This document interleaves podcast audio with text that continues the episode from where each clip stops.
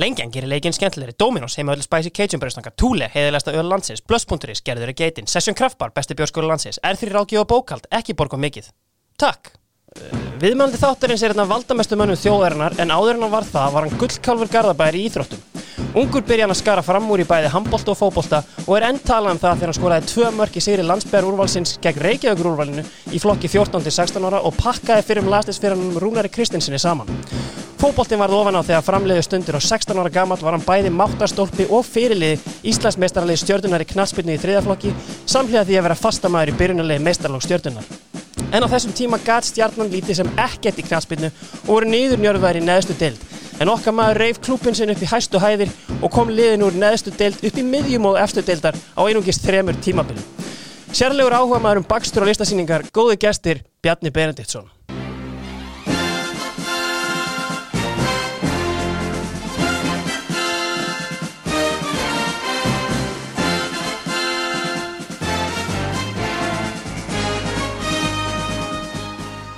Blessaði Bjarni. Sælverðu, Uh, þetta var ekki smá kynning Ánað með þetta? Ég haldi Já, það. já, Þetta var flott hjá þess Sko, Ég, ég- ég man nú ekki eftir að pakka rúnari saman En ég, Blöðin töluðum um það. já, það, var það virkilega? Já, var þannig sko. Já, já, en ég hérna mann hins vegar vel eftir þessum leik Þetta var eins og gefur að skilja uh, algjört ævintýri að hérna, fá allt í hennu bóðum að taka þátt í einhverju forvali fyrir drengjalandslið Meina, það var bara einhver himnasending sem við fengum hérna nokkur úr stjörnunni og, og var síðan upphafa að, að, að nokkrum árum í yngri landsliðunum sem mm. var mjög skemmtilegt En þetta er einmitt sko, þarna eru þið náttúrulega bara úr garðabænum en, en þið eru teknir sem landsbyðin. Já, þetta var þannig sko að, að, að hérna, bara til þess að geta séð tvö lið spila móti hvort öru, þá, þá tókum við Reykjavík félögin annars vegar og svo alla sem ekki voru frá Reykjavík Algjörlega. Sko, KSI.is, þeir geima því með kannski ekki alveg upplýsingarnar langt aftur í tíman um svona þá leiki sem að menn hafa spilað og kannski sérstaklega í neðri deildinu. Man skráðu með einhverja 70 leiki en svona með mitt grúsk þá er þetta miklu nærri þú veist, 160 leikjum kannski. Er það ekki svona cirka Já, ég, ég, jú, jú, ég man eftir að fengið sko 100 leikja plattan hjá stjörnunni. Já, það var vel áðurinn ég hætti. Ég er ekki alveg með þetta á hreinu. Þetta, þetta er eitthvað vel rúmlega 100 leikir. Algjörlega, allt með stjörninni, þú veist bara ef við vindum okkur út í þetta var svona erfitt að velja draumaliðið Já, ég lendi í smá basli sko. það sem ég gerði þegar ég valdi draumalið var að ég svona hallaðist að því að, að taka með þá sem að uh, vorum lengst með mér í þessu Já, já, en, einmitt. en svo til þess að krytta þetta aðeins þá tók ég inn uh, stráka sem að uh, til dæmis þarna úr yngri landsliðunum Rúnar er hann inni Mhm. og ég bara, þú veist, hann er auðvitað hann var undrabann Já, maður var bara spenntur að mæta æfinga með Rúnari, Já. það var svo gaman að sjá hann með boltan, hvernig hann hjælt honum og leisti flóknar stöður og hvað hann var fljótur og Já. teknískur. algjörlega, er sko hendum okkur bara í hérna markmannstöðuna og markmannsstaðan er auðvitað í bóði léttbjórsins Túle, það er auðvitað heiðarlegasta öll landsins 2,25% sá elsti og virtasti í leiknum um, bara svona sambæra spurning, voru margi markmenn hjá þér sem komið til greina? Kannski byrja á því að, að segja að ég ætlaði alltaf sjálfur að vera markmann. Það var nú sko draumurinn og ég held ég hefði bara orðið ágætis markmann. Góð físík og holning í það Já, já, ég, ég hafði hæðin í það uh, og ég átti markmannskalla og hérna, æði mig mikið í, í garðinum heimi á meðan pappa, dundraði boltanum í veggin og skuttlaði mér alltaf boltanum og var eh, vel dúðaður á malavellinum eh, í, svona þegar ég var að byrja Mm. sem markmaður en síðan kom að því að þjálfarinn sagði, heyrðu, hérna þú skalt fara út af völlin, þú hérna væri öflugur hérna á miðjum vellinum eitthvað eða í vörninni. Já, og uh, Siggi sem er markmaðurinn sem ég valdi Já. Siggi Guðmus að því ég spilaði með honum í öll þessi ár og, og hérna vann marga eftirminnilega sigra með honum. Mhm, hann, uh, hann var settur í markið. Já. og hann var frábær markmaður. Hann var eins og köttur á milli stangana frá, rosalega góður í útlaupum mhm. Og uh, góður með boltan hann uh, Nútíma markmaður Já, já, en nema, nema náttúrulega, þeir sem þekkja að vita, hann hef- hafði kannski ekki alveg hæðina og þess vegna var hann svo ánæður að hafa mig þarna til að skalla boltan í burtu. Ég ætlaði einmitt að fara út í þetta Sigur Guðmundsson náttúrulega hérna, er ekki einmitt sá hæsti í loftinu Þannig að veist, þess vegna þeim mun betra að vera með þessa turna fyrir framann og þannig að kannski koma Já. ekkert mikið að sög sko. Einmitt. En ég auðvitað hugsaði líka til annara stráka eins og Jón Otti sem að spilaði með okkur og kom með okkur upp í eftir deildina, hann var, hann var mjög ofalega á blaði og, og stóð sér frábælega þegar við vorum að mjaka okkur upp um deildir. Einmitt á einu tíumpunkti kom uh, Siggi Haralds Kongurinn, já. já, já, það var, það var hérna það var old school Er það ekki mitt? Veist, ég hef mitt pælt í þessu, hann kemur þarna til ykkar hvort það er 87 eða 88 Já, og hérna Kitty, Björns þjálfaði okkur og fekk hann yfir og hann er að koma náttúrulega aðeins á efri árin og kannski ekki Já. endilega hérna með þessa holningu sem hann var með þegar hann var að halda hreina á tíu leikjum í röð sko, en veist, koma Hann- með gott presens og já, annað inn í já, þetta hann, hann, var, hann var mjög góður að hérna, hyrða allar fyrirgjafir mm.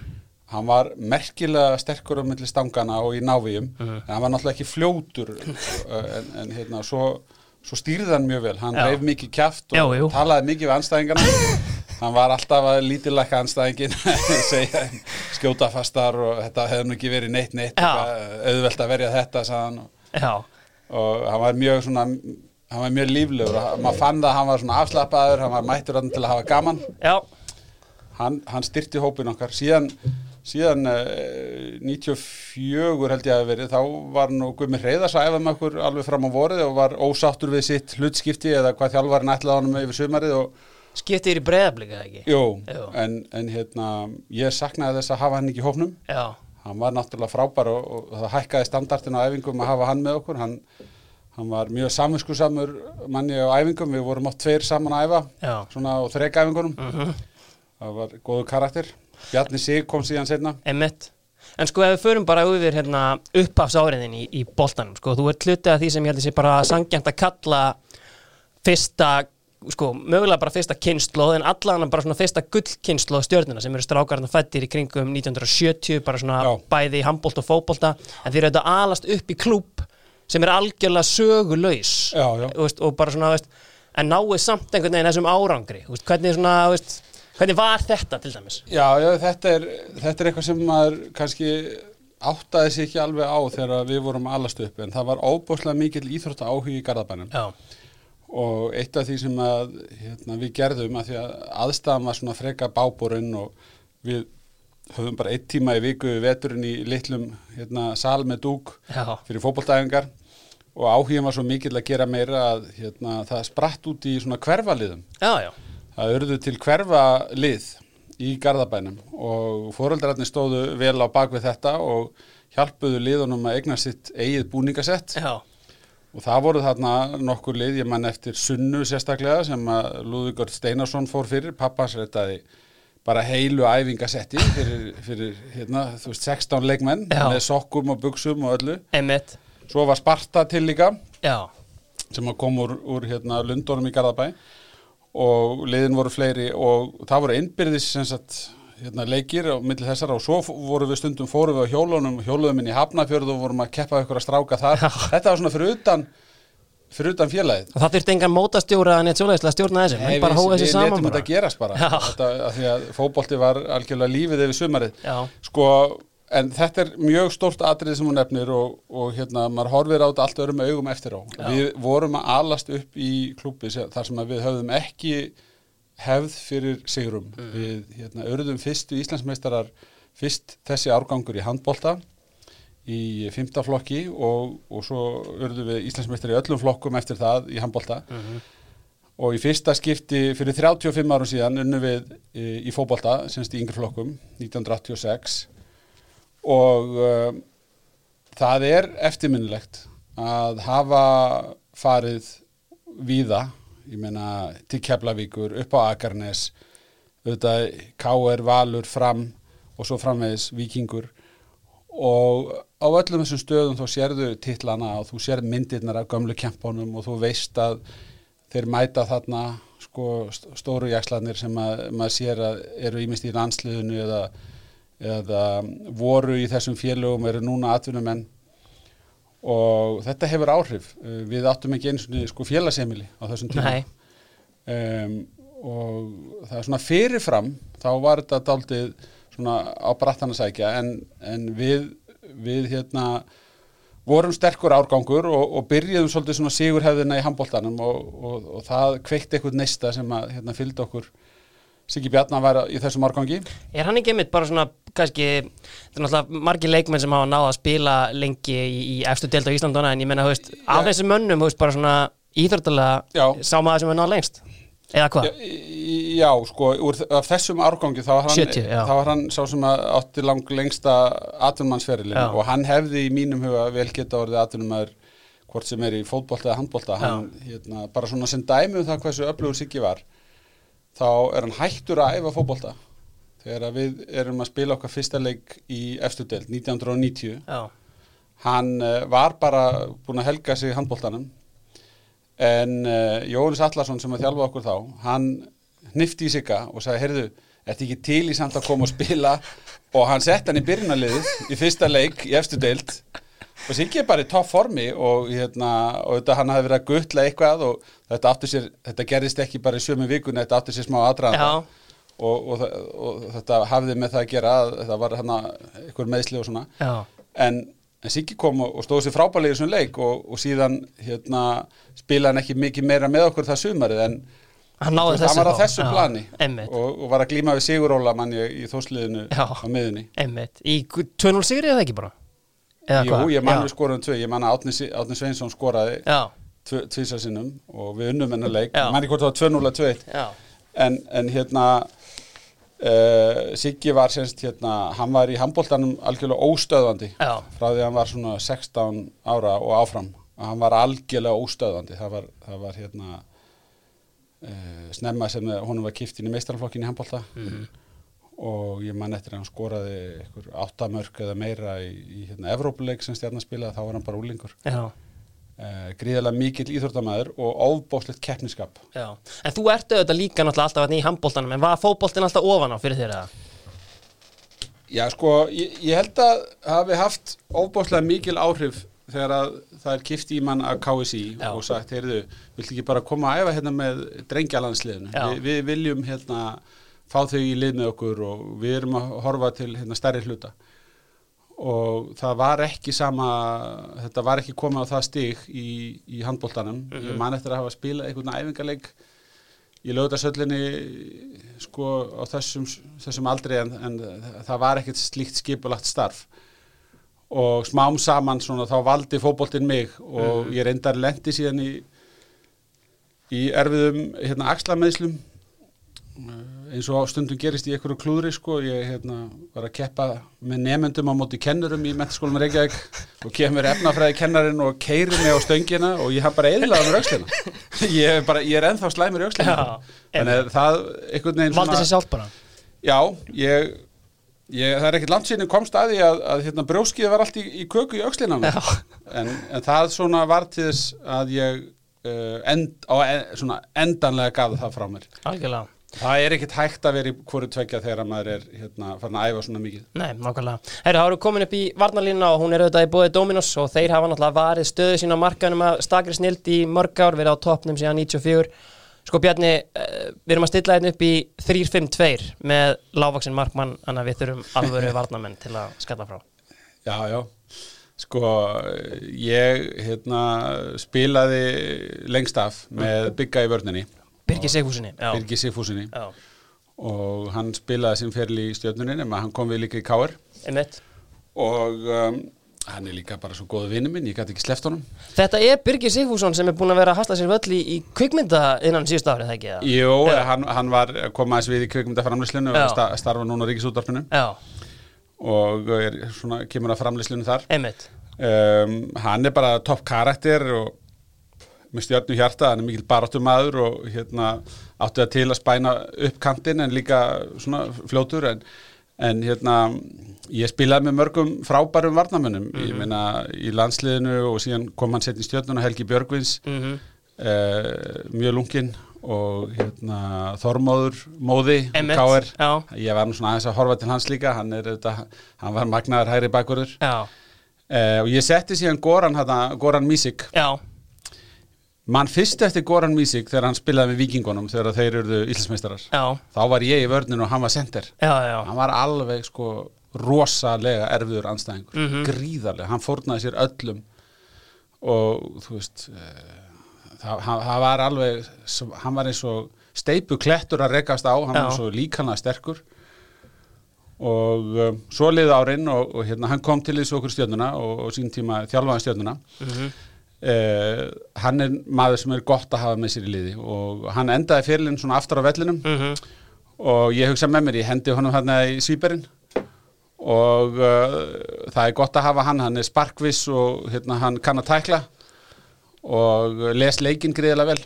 Þannig að hann fekk að vera í svíbernum Þetta er einmitt sko að því að það svona orkaði smá tímælis þegar hann kemur til stjörnuna því að hann saga gegn stjörnunni hann alltaf verið svo að hann hafði náttúrulega þarna gefið einhverjum manni olbúaskot og síðan hrækt á Egil Már Markusson hann þannig að var, var all, allir góðu þegar hann mætti þarna? Voru menn ekkert að rifja þetta upp? Nei, nei, hann fjall mjög hratt inn í hópin og hérna og uh, gerði það bara með sko vinnuframlæginu, hann Já. er bara þú veist, hann er ofbóðslega mikill vinnuhestur. Mhm. hann hafði hæfileika. Hann, hann var bæði framan af ferlinum mikill markaskorari en, en síðan bara, þú veist, þú tekur ekkit boltan auðvitað svona manni, Nei, það bara gerist mjög sjaldan. Já, Uh, og svo eins og ég segi, hann hérna líka bara bast böndum í stjórnuna í mörg mörg ár Algjörlega. og meðal hann sem þjálfari og var bara góður liðsmaður og, og hérna mörgum árum setna þá mér þess að gappa ég hann með mér þegar mér dætti að hérna, reyna að fara heilt marathon. 2007 það var sko löngu eftir ég hætti fótbolta og þá ringdi ég í góran og sagði, "Heyrðu, vantar einhvern hérna æfingafélag, ætli ekki koma þess og hérna, hjálpa okkur að koma okkur í form og svona mm. Hann auðvitað gerði það, uh, mætti á nokkra ræfingar, hljóp, marathoni, stakk okkur alla af. hann er alltaf, hann er svona, uh, hann er bara vaksin eins og keppnis íþróttamæður og, og það breytist ekkert. algjörlega Ég kom inn á hann sko, eða við komum inn á það, sko, þið eru Íslandsmeistarar í þriðaflokki á sama tíma og meistaraflokkurinn er þarna í, í neðstu deild en þú veist, Já. á móti er kannski hendugt að geta blóðgað 16 ára leikmenn á móti fullortum kallmennum bara í neðstu deild og þú ert bara farin að spila fullt tímabil 16 ára gamall, þú veist Já. Var það, þú veist, heldur það að vera gott? Já, ég held að veri, ég við höfum haft mjög gott að því um, og eh, ég menna maður er þakklátur uh, Kitta Björns sem kom og, og hérna hækkaði standartin hjá okkur Einmitt. hann hérna kom í stjörnuna sem nýr þjálfari og, og honum var falið það hlutverk að svona, sj- sjá hvort það væri kætti einhvern veginn að rífa þetta upp Já, og hann horfði strax á þennan árgang ungra stráka sem voru fannir að vinna öll mót og, Mhm. og uh, bara tók okkur inn og, og hérna, hann hleypti mér mjög snemma að og ég man eftir því eitt sumar að það hérna, atvikaðist veginn þannig að of margir leikmenn sem voru þarna í æfingahópnum þeir voru í þessu svona halvum hug og, og fyrirlega bandi gekk svona aðeins á milli manna þá til að sá svona síðasta fyrirlið fór til Mæorka með konunni í þrjáringur og þá kom kynnti til mín og sagði, heyrðu Bjarni, nú hérna nú held ég að sé bara komið að því að þú hérna sett fyrirlið hérna Já. út tíðanbilið Einmitt, algjörlega. Herru, og að lokum, erum við ekki bara með Bjarnar Benediktsson til að loka vörninni eða? Jú, ég er hérna mættur með þessum snillingum Já, um, ég svona spilaði oft vinstra meinu vörðinni mér líkaði kannski best að vera mér líkaði mjög vel að vera í fjaramanna vörðin og vera kannski bara í miðjunni sem Já. svona alvöru hafsend mhm, en oft spilaði ég vinstra meinu þryggjamanna vörðin já.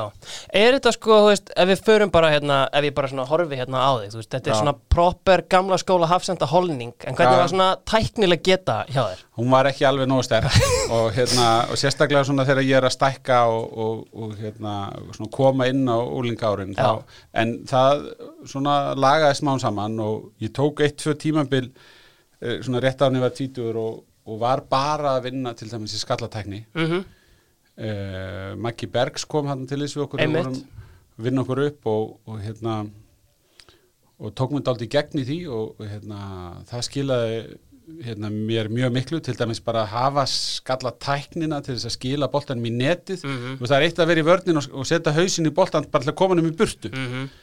annað er að vera inn í teig anstæðingana og skalla boltan og sko staðsetja hann á markið já. það er bara allt annað mál Það er ekki allra færi. Nei, en ég var hann góður í því þegar hérna, ég var uh, komin uh, í kringu tvítugt og, Mm. og, og sérstaklega bara, ég held að ég, mi- mitt besta tíðanbíl var reyndar síðasta tíðanbílum mitt, Já. 1993 Mm Þá ert að setja hann einhver fimm mörg bara úr tegnum eða ekki? Já, já, ég skoraði slatta mörgum bæði í byggakeppninni og í deildinni og, Mm. og hérna og fór miklu framar á völlin svona framan af þá var ég bara, þú veist hérna, ekki mikið að, að fara fram með miðlunna en, en ég var alltaf að bæta mig í því.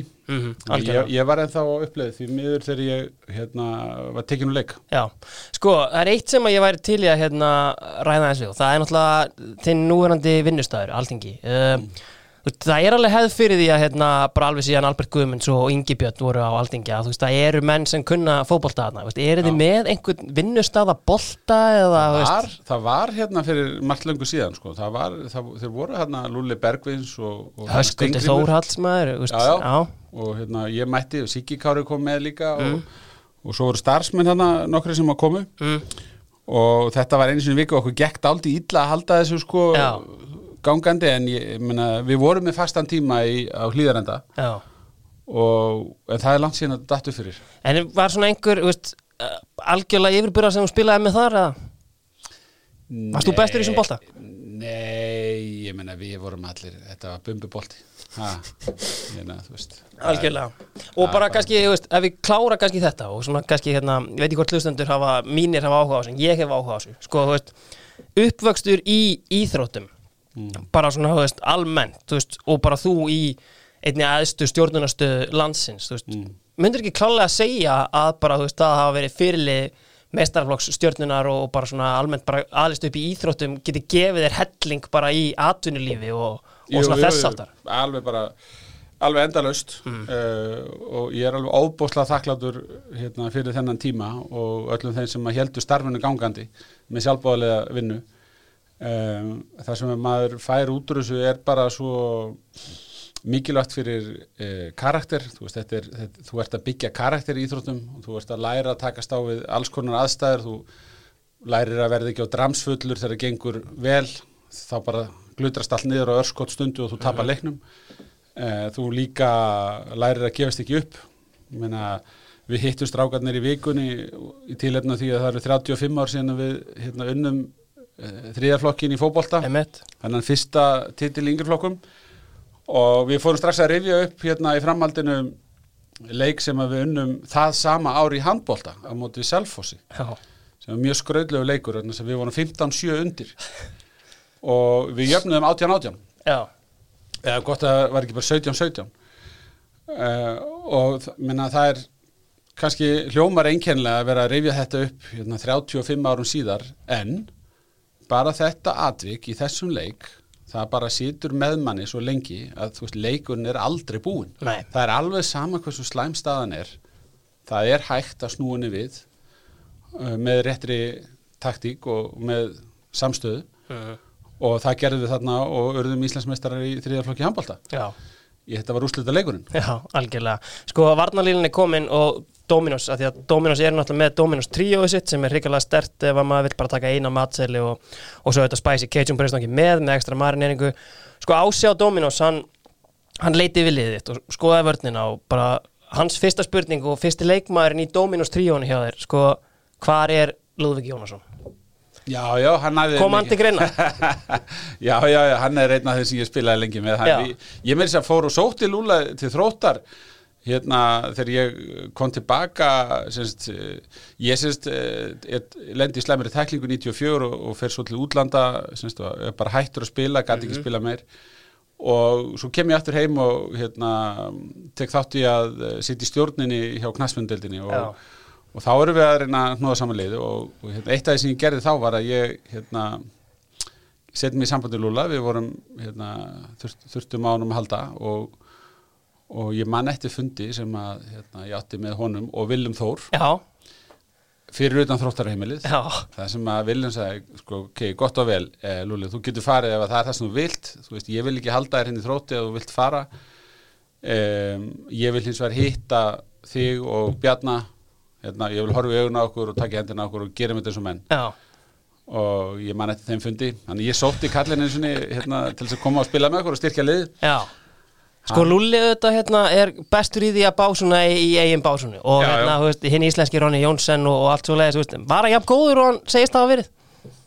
Lúli var hérna, semst fyrir hæð var nokkuð fljótur. Mm hann var hérna, hann er náttúrulega með baráttuskap Já. en hann er líka með dálítið slæmtskap og getur svona eitra frá sér þegar hann fer í fílu Já, já, og hérna vonandi er hann eitthvað búin að læra þú veist, með árunum, ég veit það ekki en, en hérna, þú veist Það er gott að hafa baráttu hundar með sér veist, það, það skapast oft aðstæður þar sem að þú lendir í hálfgerðum slag tala um gjömmu í, í, hérna, í, ekki eftir deild þetta er bara orðið mjög fysiskt oft á tíðum algjörlega uh, en hann, hann kannski átti til að vera sjálfum sér vestur með því að þú veist hérna detta niður en, Mhm. en hann gætt líka verið kveitjandi hann, hann var ágætis fótballtamaður Algjörlega. Sko, færum okkur bara upp á miðjuna hérna. Það er, uh, miðjan er í bóði blöss.is. Uh, vinkonur mínar eru konum með vestlun hérna 32B og sér náttúrulega þetta bara netverslunin. Minnum á hana, uh, blöss.is. Uh, öll helstu tæki og tól. Uh, kíkja á þetta, endilega. Fimmanna miðja. Uh, Eða að taka þetta bara frá hægri kantinum.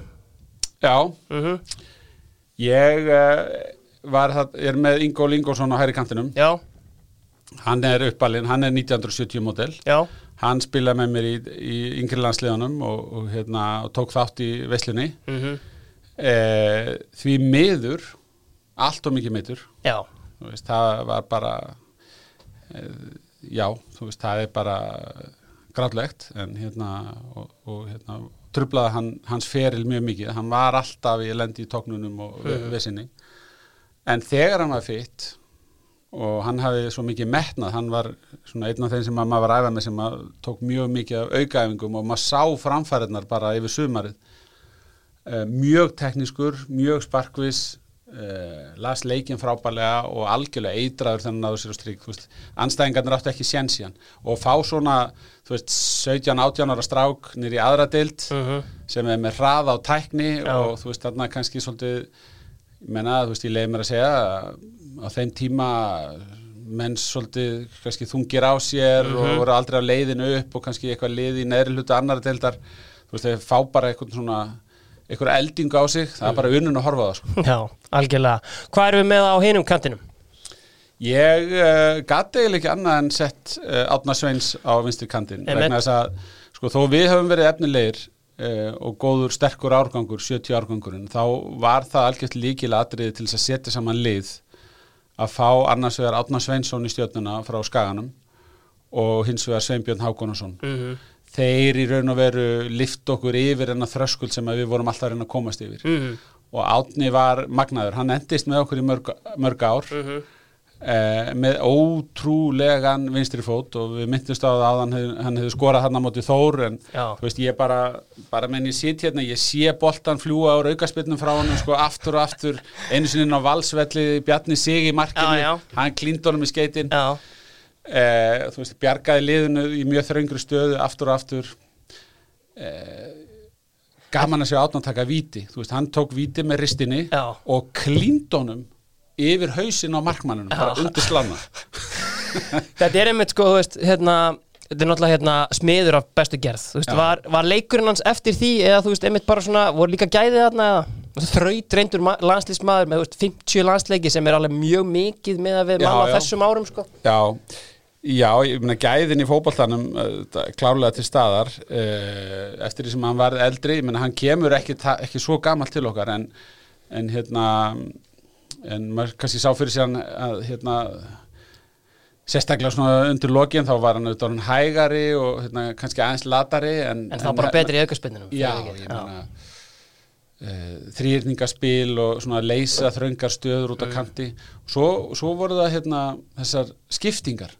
Hann, hann tekur boltan á vinstri kantinum og kallar á hægri kantmannin um að leggja á stað sko á bakvið bakverðin svo kemur sendingin og vinstri bakverðin í hinni liðinu hann sér boltan koma og hann er alveg með hann allan tíma hann ætla bara að skalla hann í burtu. Já, nema hvað þessar sendingar frá þarna þær flugu alltaf svona 10-15 metrur lengra heldur en hérna, venjulega því hann var svo hérna, hann sparkaði svo hérna, já, ákveði í boltan hann flög svo lengi.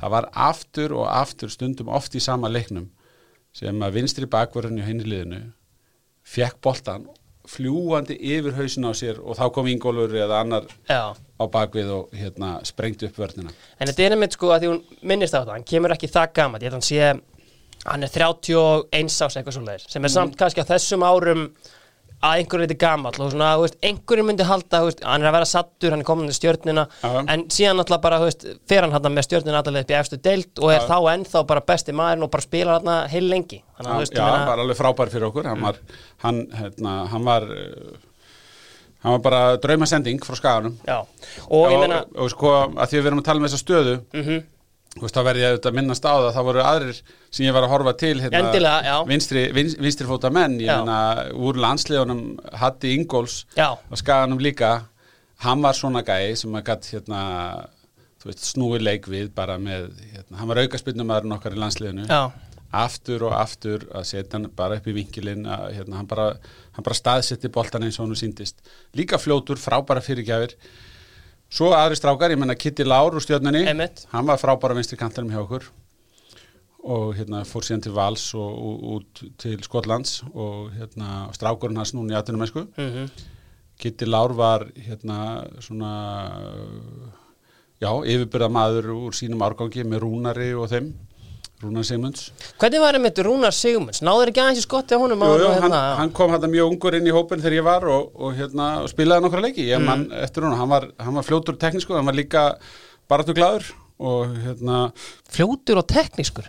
Já, ég menna, þú veist í yngri flokkunum þá var það svona hans styrkleiki ég var Ok. svona, já, já, Já. ég menna hann, hann var það alveg á miðunni Já, Eh, ég man eftir hann að spila uttalega hæri vagnum og, og hérna vera spæna sig í gegn. Hann, var, hann átti góð skot. Já, en hérna en uh, var það aldrei svona kannski þessi yfirbæra leikmaður en hann, hann var mjög mikilvægur fyrir hópin hjá okkur á þeim tíma sem að hérna, hann kom inn. Því hann virðist einmitt sem svona, veist, ungur leikmaður sko, veist, hann er hérna, veist, þú getur valla flett blaði frá þessum tíma sem hann er ekki á reynslu einhver staðar, veist, hann Já, virðist já. að verið mjög efnilegur sko, hann var það, já, já, hann var það. Algjörlega, herðu, svo, og svo að lokum hérna Baldur Bjarna. Já, einmitt e, hann svona fótboltalega séð finnst mér vera bara einn allra besti leikmaður sem ég hef spilað með. Já, e, þú, þú veist, hann hefði getað sólaði allan daginn inn í símaklefa. Þú myndir aldrei ná að snerta boltan já, og hérna alveg ríkala góður í fótbolta. Einmitt, flugmaðurinn gett ekki.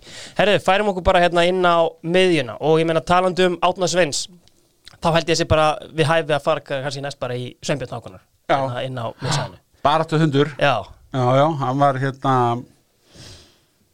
hann var uh, prímusmótor á miðunni, hann var gæinn sem að sko hérna barði okkur áfram og þólir ekki að tapa, bara hatar það.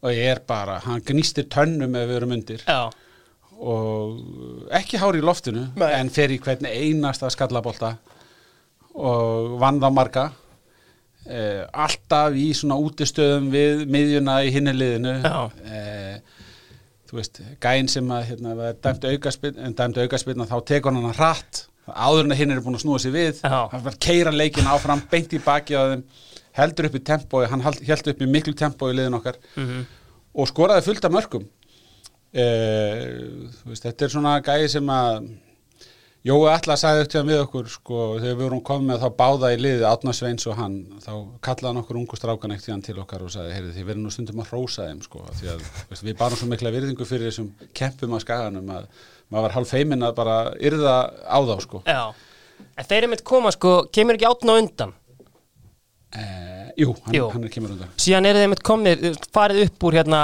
uh, gömlu þriðjödeldinni hérna 88 Já, og síðan eru þeir komnir 89, er ekki Sveinbjörn að koma 89? Jú, jú. emmitt, og þá náttúrulega Þá, þá, þá erum við semst hérna, fyrsta sinn í sögunni komur í aðra deild, Mhm. Semst næst efstu deild og við erum að fara inn í þetta tíðanbil og við hérna, förum í gegnum undirbúningin og Sveinbjörn kemur til okkar og, og ég mann það ekki nákvæmlega en það er alveg klárt að Átni Sveins hefur haft mikil áhrifvektin inn á það Mhm.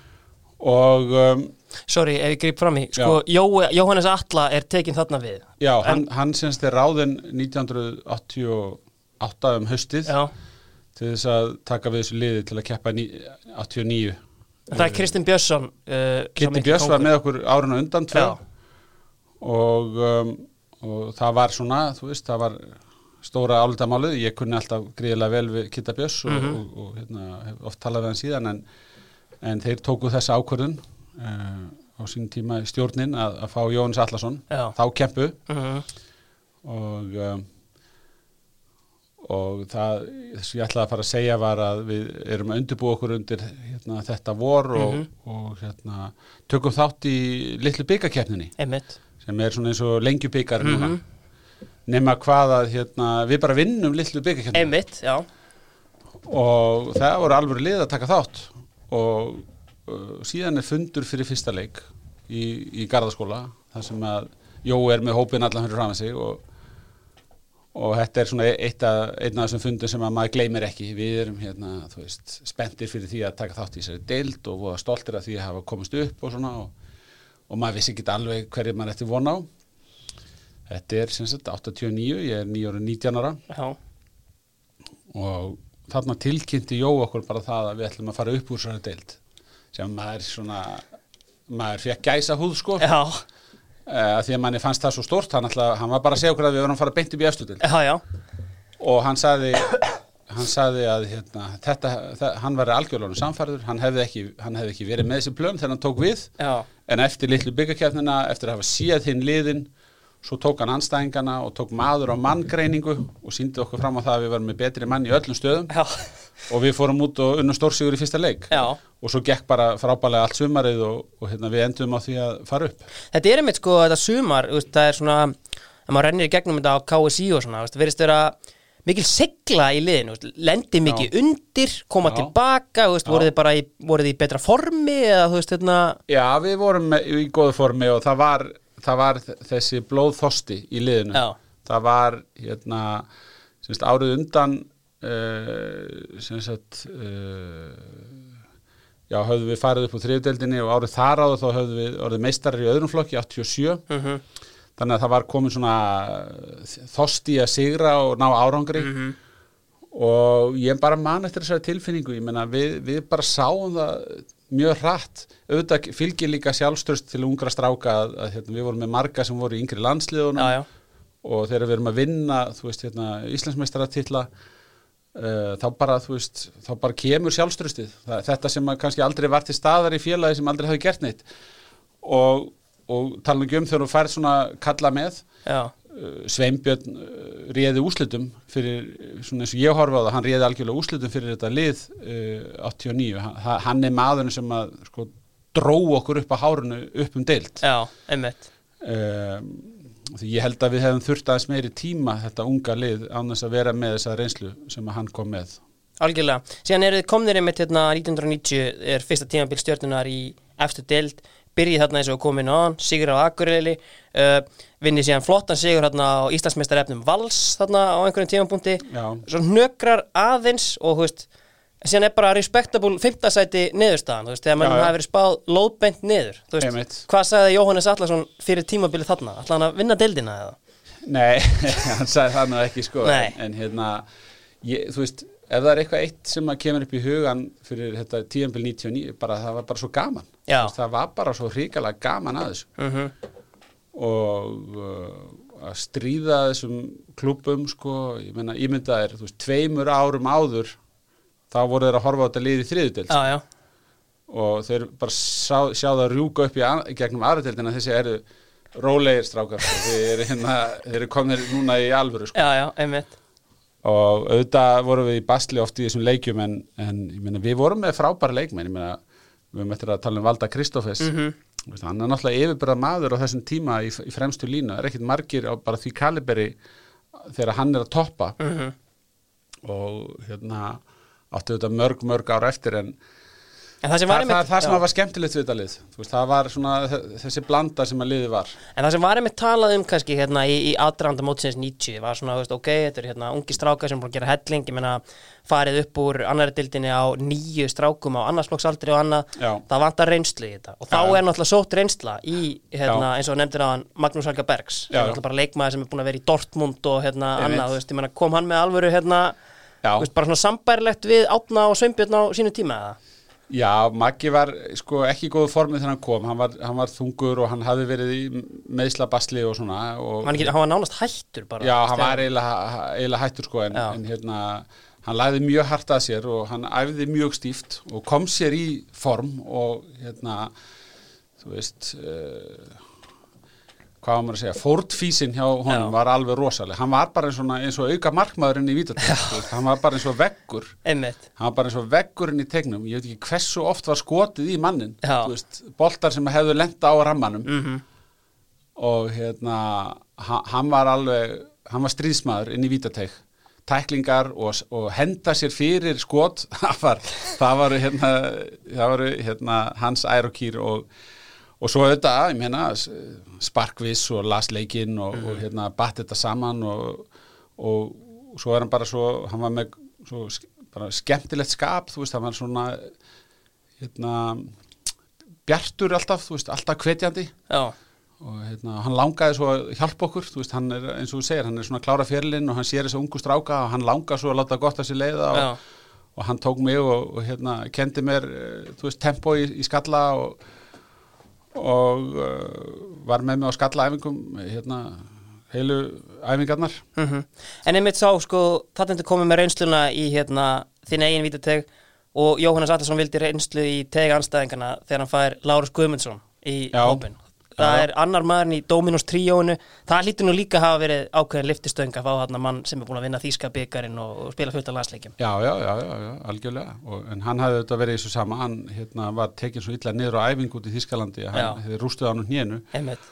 og ég meina, þú veist Lalla langaði bara til þess að hafa gaman að fótbolta sko, bara aðeins aftur að fá smá gleði og, og hérna, vera með þú veist, koma inn í ungan hóp og, og, og hérna, skora mörk og hafa gaman og hérna en þetta var ekkit í, svona í minningunum, þetta var ekkit auðvöld fyrir hann að, þú veist, hann hafði verið á svo háum standart Já. og, og var sjálfur að, að hérna, koma sér aftur í gang en hann gerði margt mjög gott þú veist, hérna þetta einna snertingaspil og þú veist, hann skoraði slatta mörgum en hérna, maður sá það auðvitað alveg fyrir sér hann hefði verið mun eitraðri fyrir á tíð, hann kom með reynsluinn í hópin Mm -hmm. Herrið, það vantar tvo miðum en þú mátt bara ráða hvernig þú tekur á undan. Já, ég semst er búin að setja Átna Sveins vinstra megin og Ingo hæra megin Já. og svo hérna, ertu búin að tala um Sveinbjörn og um, ég ætla að taka stjörnumann Raki Gísla er hann ekki satt Jú, jú, heldur betur. Svona enn eitt svona ever-presentin af þessum mönnum í kraftaverkinni í Garðabæ, hérna 88-90 og ennþá Já, ég lengra. gæti annað en haft Raka því að Raki var á undan mér inn í meistarflokkinu hann, hann, er, hann, 67 módel. hann er eldri en ég Já. og er að, þú veist, er að fara í gegnum yngri flokkana og þeim gekk svona skýtsæmilega Mhm. og svona fyrsta glætan, það voru þarna nokkrir leikmenn sem voru ágættir Mhm. en hann var komin inn í, inn í meistarlokkin þarna eðlilega á undan mér og, og hann var svona einn af þeim sem að var fastamæður í liðinu allan þennan tíma. Mhm. og hérna alveg eins og randafluga um allan völl.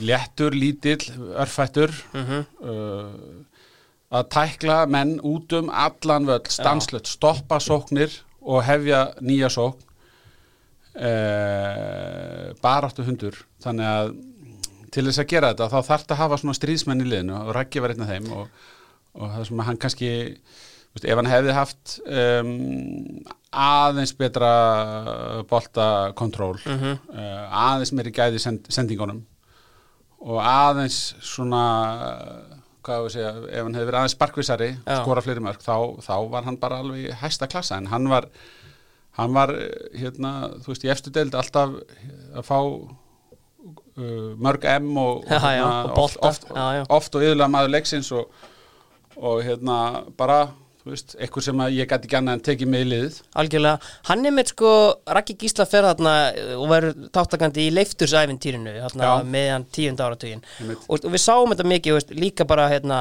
menn hérna úr þínum árgangri menna Valdimar Kristófers og Ingo fara þarna í fram og annað.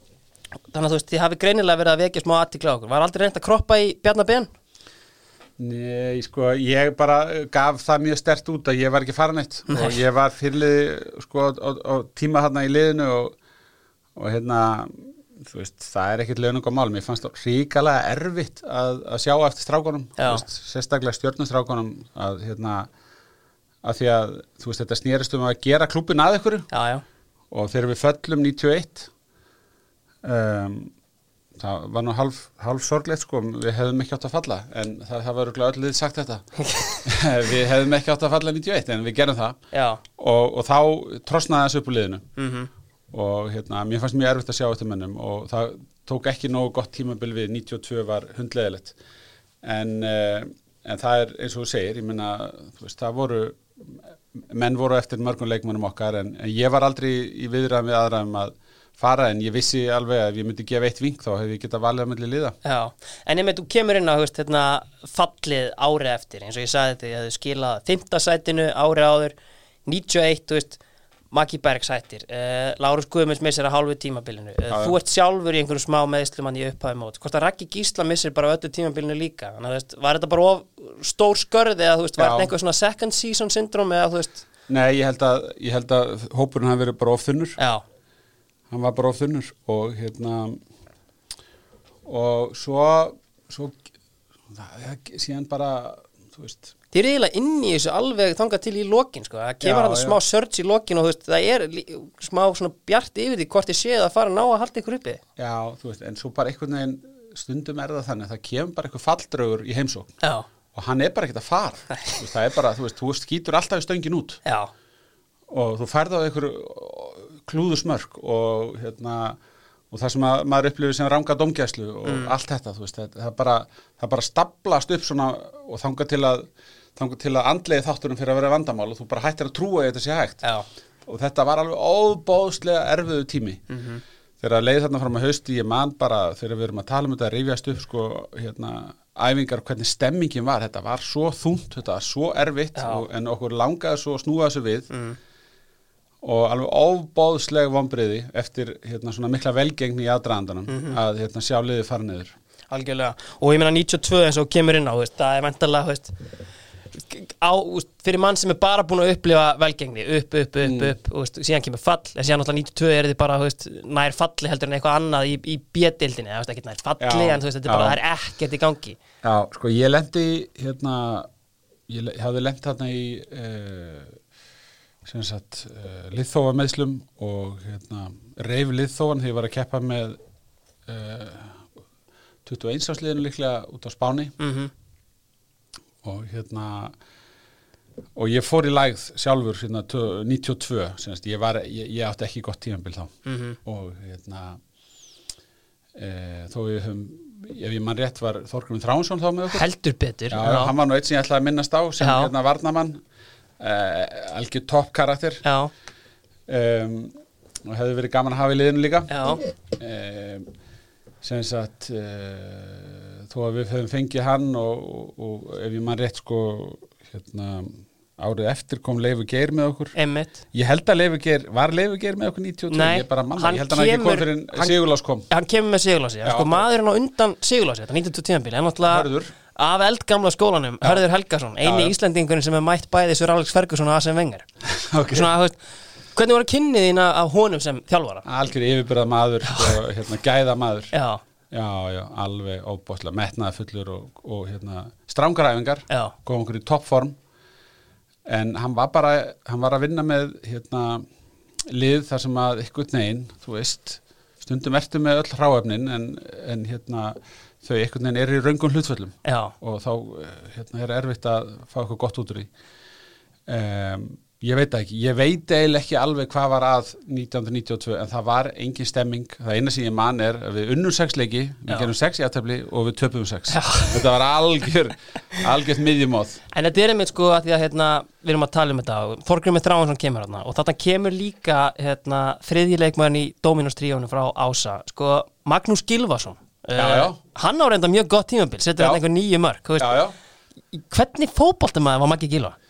hann var svona gæði sem að lappar mikið svo kemur stungusending og þá er hann eins og elding já. og hann tekur hann með ristinu og hamrar hann hann er að býða til stungusendingu Já. og neglir hann inn í Já, algjörlega. Þannig að þú veist, þarna kemur inn kannski Toggi með svona æskulis og ungmenna andan, ungmenna andan og svona harkan bara frá Magga einhvern veginn, bara í stungunni Já, já, Maggi var bara, þú veist, hann var eins og þú segir, ég meina, hann, hann hérna, lifði á því að skora mörg og hérna, en hann er, þú veist, þó hann hafi alveg verið hérna, með skapið og allt þetta, veist, hann er kannski ekki alveg sama vinnudýrið eins og, svo, svo dæmi sér tekið ekki gísla eða eitthvað, eh, en hann var mikilvæg fyrir liðið, en þetta bara, þetta bara duði ekki til, þetta lið, það, það vantaði, það var eitthvað í kemistriðun, þetta var einhvern veginn aldrei sigur lið, ég, ég veit ekki hvort að hefði verið hægt að halda áfram alveg með sama mannskapin og, og gera meira, ég veit ekki en, en hérna, þetta var bara eitt af þessum tíðanbölum sem var ekki gott hjá okkur. Algjörlega. Og til að loka og, og miðinni eins og ég sagði, ég, ég var, ég, þetta var, þetta var hérna, ekki gott tíðanböl hjá mér. Mm um, en næsta tíðanböl eftir var líklega mitt besta. Já, áður en við förum í það við erum með hérna, nefndir hann Rúnar Kristinsson, síðasta mannin hérna inn á miðinni Já, ég meina, þú veist, þar erum við náttúrulega hérna, að velja strák sem að spila með mér aldrei í stjörnunni. Nei, en spila með mér í landsliðunum og eins og ég sagði hérna upphafi, ég meina, það var bara ununaði að horfa á, á, á rúnar. Mm. meina, þú veist, maður kom heima að æfingum með landsliðunum og fór að segja strákunum sögur af rúnari, sko, hvernig hann var á landsliðæfingunni emitt um, alveg hérna, algjör bara galdramæður með boltan og veist, það var það sem hann hafði semst, hraðan og tæknina og uh, gleði, skemmtilegur Já. alltaf hlæjandi. Já, en hérna þólir ekki að tapa nei Var hann svona, þú veist, hérna, alltaf, þú veist maður sér hann í dag, í viðtölum, þú veist, yfirvegur rólegur, en það, þú veist gott skap og emitt, þú veist, hérna miklu gaf mikið af sér Já, ég meina, hann er í allt öru hlutverki, þú veist, en ég, við erum að tala um þegar hann er, þú veist, 17, 18, 19 Já. ára gamall og þú veist, það var bara gaman að vera til, hann var alltaf að fýblast í félagunum, rosalega góður hérna, liðsmaður, en það, lí- líka eitt sem ég man eftir með Rúnar, sko, hann, hann tók þessu mjög alvarlega. Mhm.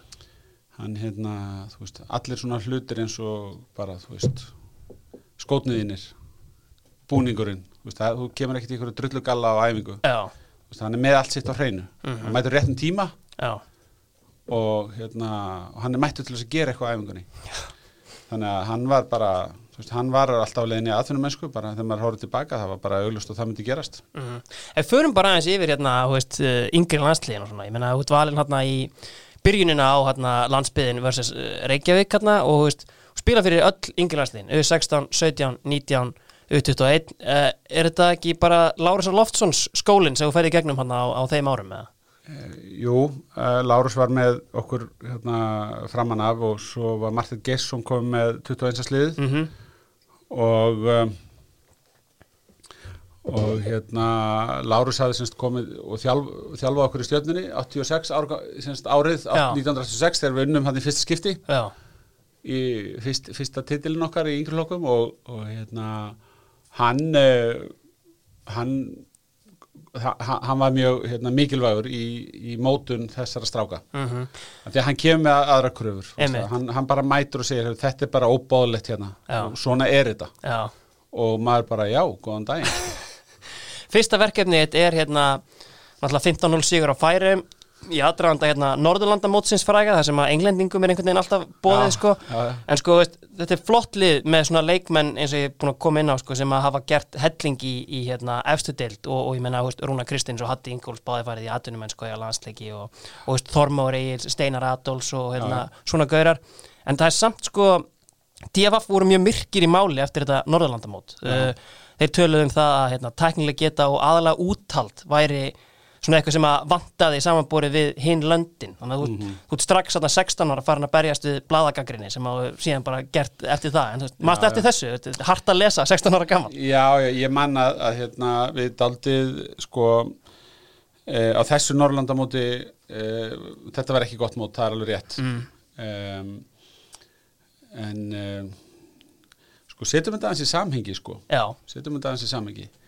Uh, það er eitt gerfugrasvöllu til á Íslandi. Hann er í lögadalnum og hann er einhvern veginn laður hún á Malbygg hann var bara, þú veist, hann var rosalegur. Já. hann, boltinn skoppaði á honum svakalega og þú varst að brenna þig og, og hérna, hann, hann var algjör hörmung svona með það sem við höfum í dag. Já, og að öðruleiti þá voru bara malavellir sko, allan veturinn, léli inni aðstæða um, þegar við erum 87 að æfa þá tók KSI ákvörðunum að taka okkur landslistrákana allan veturinn einu sinni í viku sem, á sérstaka aukaæfingu með öllu hinnu sem vorum að gera. Mm og við vorum þarna undir stúkunni í veist, aðstæð við erum á aukaæfingu hjá landsliðinu og við erum stödd sko bara undir stúkunni í lögadal á einhverju tartanbröð það var ekki einu svona hægt að bjóða okkur í fótbolta sko. nei.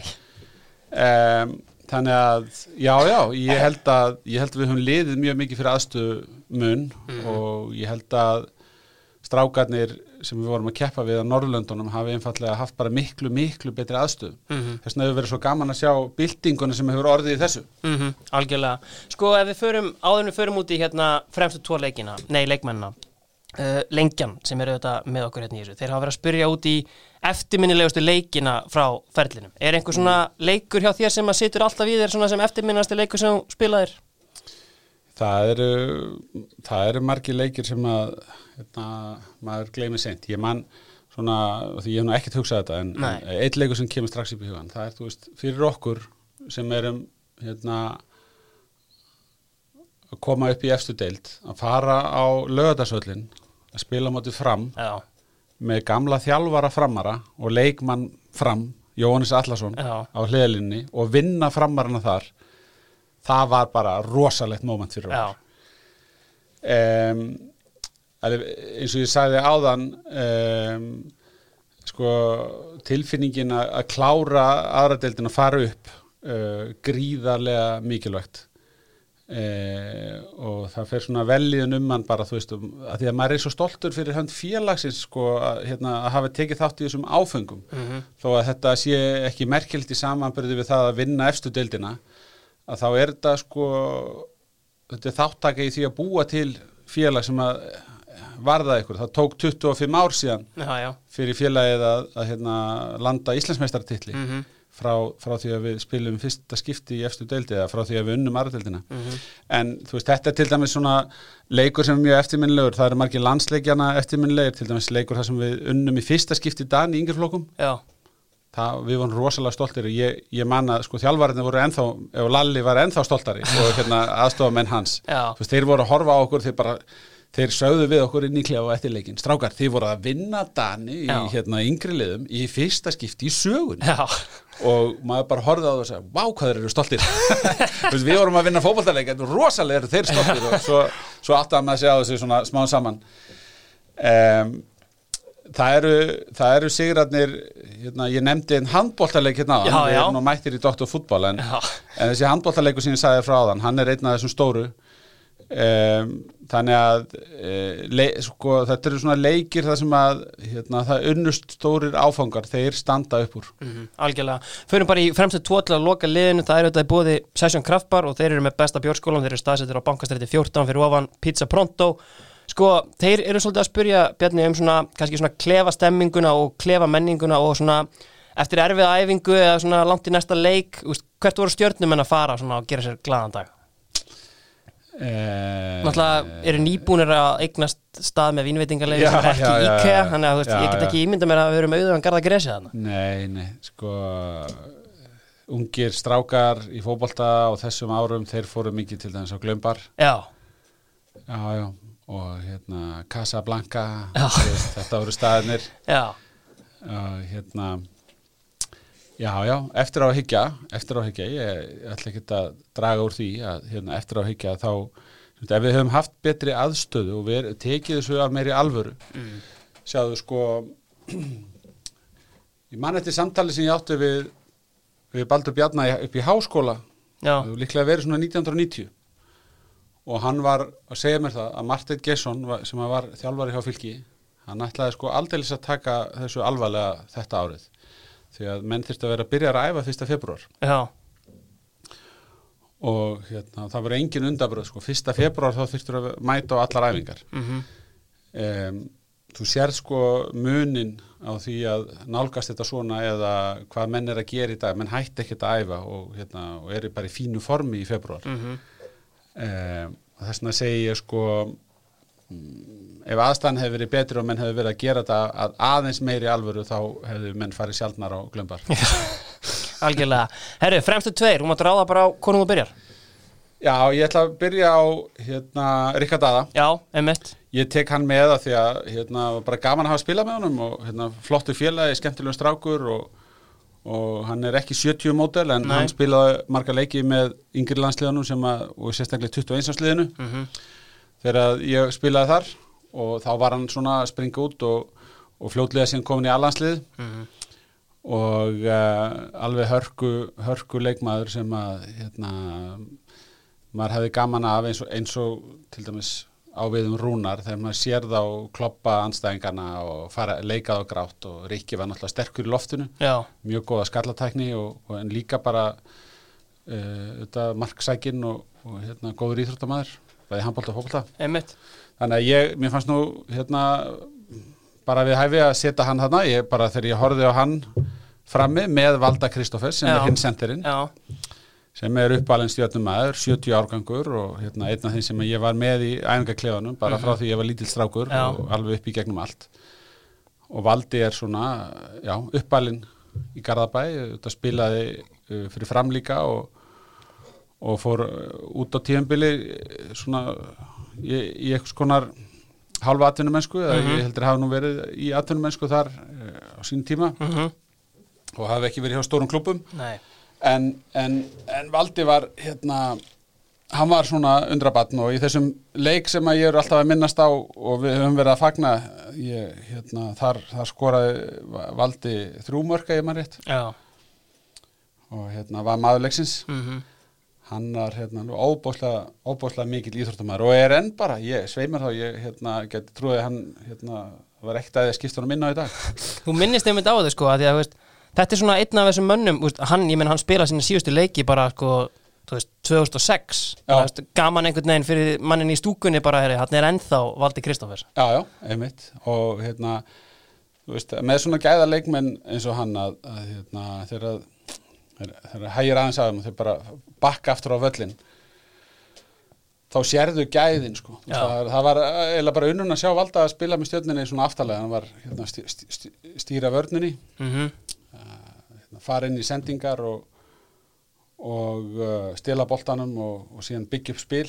Mhm. uh, ábúslega mikill leiðtói Algjörlega, sko tímabili 93 eftir þetta kannski erfið ár hérna í, í B-dildinni uh, þá kemur náttúrulega Sigurlás heitinn Þorleifsson og Já. tekur með sér hérna Friðrik Sæbjörnsson og, og. Leif Geir þú veist, Einmitt. var þetta, þú veist, byltingakent að fá þess að þrjá menn hérna frá Vestmanni Já, já, það var það og hérna, mér þóttu ótrúlega vænt um hérna, þessi tvö ár sem ég átti með, með Lása, heitnum, Já, sorglegt hvernig hann hérna kvart okkur allt og snemma. einmitt Eh, la, sko, Sigurlás var önnur típa heldur en hérna, sumir hinna þjálfarana, ég minna, Lárus Loftsson, þú veist, var með okkur í, í hérna, úlingalandsliðinu og, og svo höfðum við verið með svo sem Kitta Björns og, og Jóa Alla og, og það voru strákar sem höfðu hérna, þetta spilað allt langan feril. Mm en Kitti var hérna, nei, hérna, Sigurlás var talsvist önnur típa. Hann, hann hérna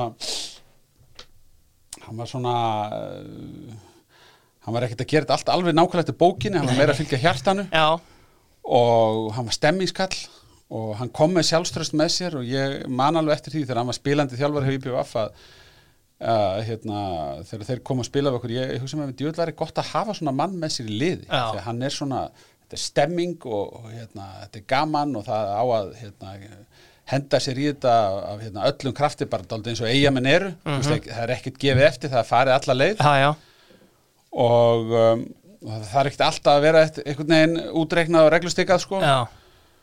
Og hann tók mig og let mig fá dálítið ný hlutverk og hérna, kom manni í mjög gott form og hvatti mig rosalega mikið áfram til þess að hérna, prófa nýja hluti, færði mig til á vellinum og hann mér sér let mig spila center hérna suma leikina 93 já, og um, uh, bara kendi mér heilan helling hann hérna var með daldið nýjar æfingar uh, láta okkur gera hluti sem vorum ekkert alveg vanir og var að láta okkur skipta talsveitum hlutverk, láta varnamenn spila í sóknarlínu og sóknarmenn að spila í varnarlínu Já. og ruggli í þessu öllu og, og hérna bjóti skemmtilegt lið og hérna og einhvern veginn, þú veist það bara gerist þegar að sumir eru með manni, maður bara, já, veistu hvað við erum bara að fara upp núna. Le- er bara já. að fara að gerast. Og Leifur Geir einhvern veginn komið hérna bara með uh, syngjandi og trallandi inn í klefan og Já, veist, skora hellinga mörkun líka. Einmitt, það var daldi gaman að því að hérna, Leifger hafði hérna, búið í Garðabæði stuttan tíma og hafði verið í skólan þar þannig að maður svona, hérna, hafði aðeins kynstónum á barnaskóla árunum Já, og um, það var gaman að fá hann aftur rosalega góði félagi, var með okkur oft í hérna í yngri landsliða hópunum og, og hérna auðvitað geggjaður íþróttamæður hann er hann er einn af þessum gæjum sem að hérna, maður veit ekki vera mikið að rekast á út á velli hann er svo sterkur. Já, og hérna og, og, og, og með góðan balans þannig að veist, hann hangir í loftinu og það keirir ykkur í hann en það skiptir einhver máli, hann nær samt að skalla hann í netið e, mikið skallamaður og bara flottur flottur markaskorari. Þannig að hann var mjög góð viðbót fyrir okkur. Frikki var svona bara old school barðhundur mm en, en svona hraður, mikill tæklari og, og hérna var mjög gott að hafa hann.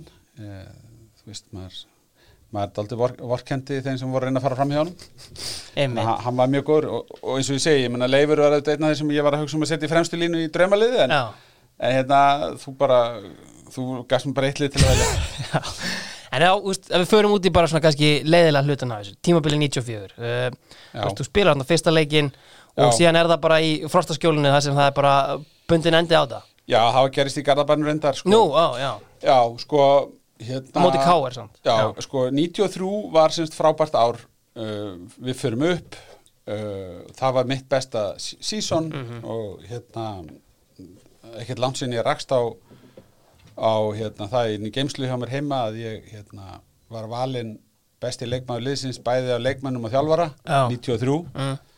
eitthvað sem að maður gleymir og svo allt í hennu þykir manni voða væntu það sko Já. því að hérna, það var bara það síðasta sem gerist hjá manni en um, 94 óbóðslega mikil tilhlökun uh, flott lið þú veist, hérna, sprækir um vorið uh, ég bara, þú veist, ég man hvað ég hlakkaði til að taka þátt í þessu móti.